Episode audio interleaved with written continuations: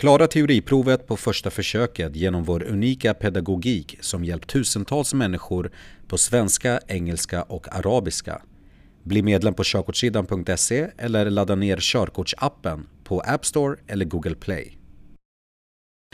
Hej och välkomna ska ni vara till 10 stycken körkortsfrågor här på körkortsinna.se hemsidan där vi hjälper dig att ta körkortet snabbare, enklare och billigare.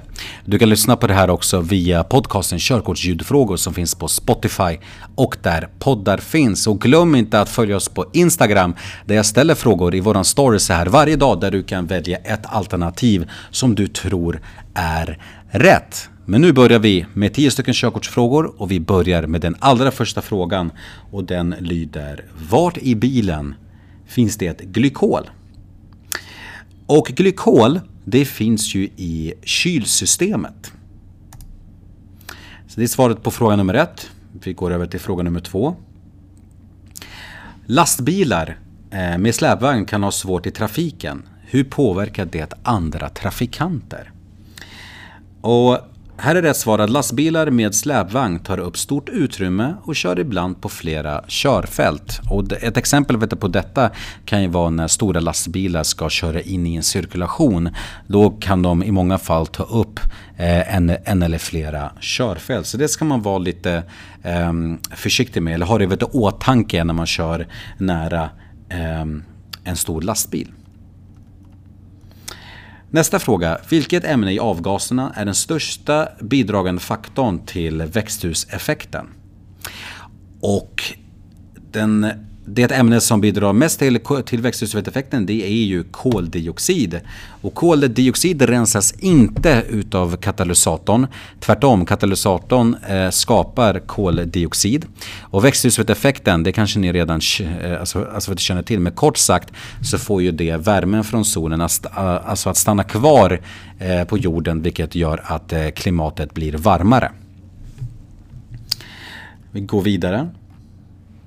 Vilket alternativ är förnyelsebart? Och för er som lyssnar på körkortsljudfrågor så har vi här bensin 95 oktan, bensin 98 oktan, diesel och etanol. Och det ämne utav de som är förnyelsebart är alltså etanol. För de andra, ehm, eh, de andra är fossila bränslen. Etanol är inte fossilt. Eh, Eh, nästa fråga. Vad är den vanligaste typen av olycka som sker på grund utav trötthet?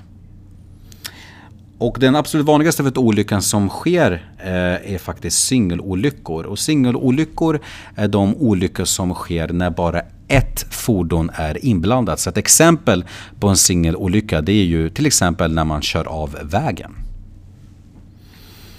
Eh, nästa fråga. Grupptryck påverkar människor i olika situationer. Men i vilken situation är risken störst för grupptryck? Eh, och eh, risken eh, är störst för grupptryck faktiskt när föraren och alla passagerarna i bilen är pojkar. Så att eh, pojkar eller män eh, påverkas faktiskt mest utav när det är andra eh, pojkar i bilen. Vi går vidare. Hur ska du anpassa din fart när du kör av motorvägen? Och här är rätt, äh, rätt hastighet, för att jag tänkte säga. Rätt svar är att jag ska sänka hastigheten när jag har kört av och är på avfarten. Och det här är väldigt viktigt för att vad många eh, gör det är att man börjar sänka farten på motorvägen innan man ska köra av motorvägen och det är fel. Så du ska inte sänka hastigheten på själva, eh, själva motorvägen utan du ska köra precis som vanligt. Men så fort du har påbörjat eh, att köra av, av avfarten så ska du på avfarten sakta ner hastigheten.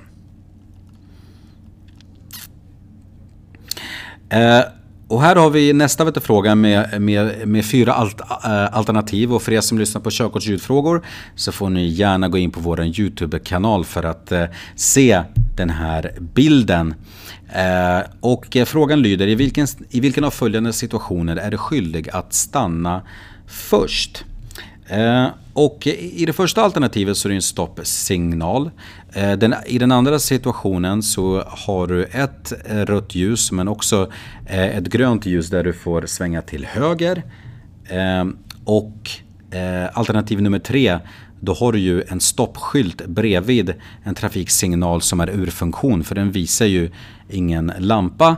Och det sista alternativet så har vi en grön lampa med en stoppskylt på stolpen.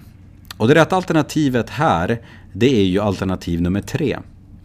Och det är ju vet för att trafiksignalen är ur funktion och då ska man eh, följa anvisningarna och då finns det ju en stoppskylt som ni ser här. Så då behöver ni stanna bilen i korsningen först innan du åker iväg. I alternativ nummer fyra så har du en stoppskylt där med men där fungerar ju trafiksing eh, trafiksignalen och då, då, behöver du inte följa eh, anvisningarna från stoppskylten. Vi går vidare. Hur lång är bromssträckan om du kör i 60 km i timmen? Vi har ju en video på, eh, på vet Youtube där vi berättar hur man räknar reaktionssträckan, bromssträckan och eh, därmed stoppsträckan.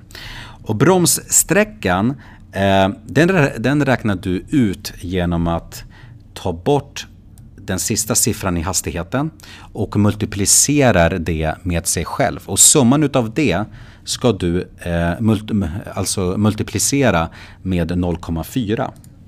Så att 6 gånger, eller 60, 60 km i timmen, då behöver du alltså ta 6 gånger 6 och multiplicera det med 0,4 och då blir det 14,4. Så att avrundat neråt så blir det alltså 14 meter. Då har vi kommit till, till den sista frågan redan och den lyder om du kör i 40 km i timmen, vad bör du då göra i denna situation? Och för er som lyssnar på körkortsljudfrågor så eh, har vi en, en buss som har stannat vid en busstation. Och, eh, och vi är precis bakom den och, och, behöver köra förbi den. Så vad ska jag göra i denna situation? Jo, jag ska ju eh, släppa på gasen och vara beredd på att bromsa. För att när hastigheten är under 50 km i timmen då har ju eh, bussar företräde när de vill köra ut ifrån busshållplatsen. Och det, och, och, och, och, eh, det har de så fort de blinkar ut. Eh, eh, och bussen eh, på den här bilden har inte börjat att blinka ut så därför så ska man alltså släppa på gasen och vara beredd på att, eh, på att bromsa. Alltså man ska vara handlingsberedd som man pratar om i teoriboken. Och det ska man också vara för att det kan ju vara så att barn springer ut framför bussen. Och då är det väldigt viktigt att man är handlingsberedd. Då har vi redan gått igenom 10 stycken körkortsfrågor. Hoppas att det hjälpte er. Eh, gå, eh, gå som sagt in på vår Instagram och följ oss. Och så har vi ju våran Facebookgrupp som heter Prata körkortsteori. Där vi närmar oss tusen medlemmar och där hjälper människor från hela Sverige varandra med körkortsrelaterade frågor. Så gå in på Facebook och sök på Prata körkortsteori och bli Eh, och, bli, eh, och blivit medlem så kommer jag att acceptera eran, eh, eran förfrågan. Men tills nästa gång, kör försiktigt och håll avståndet.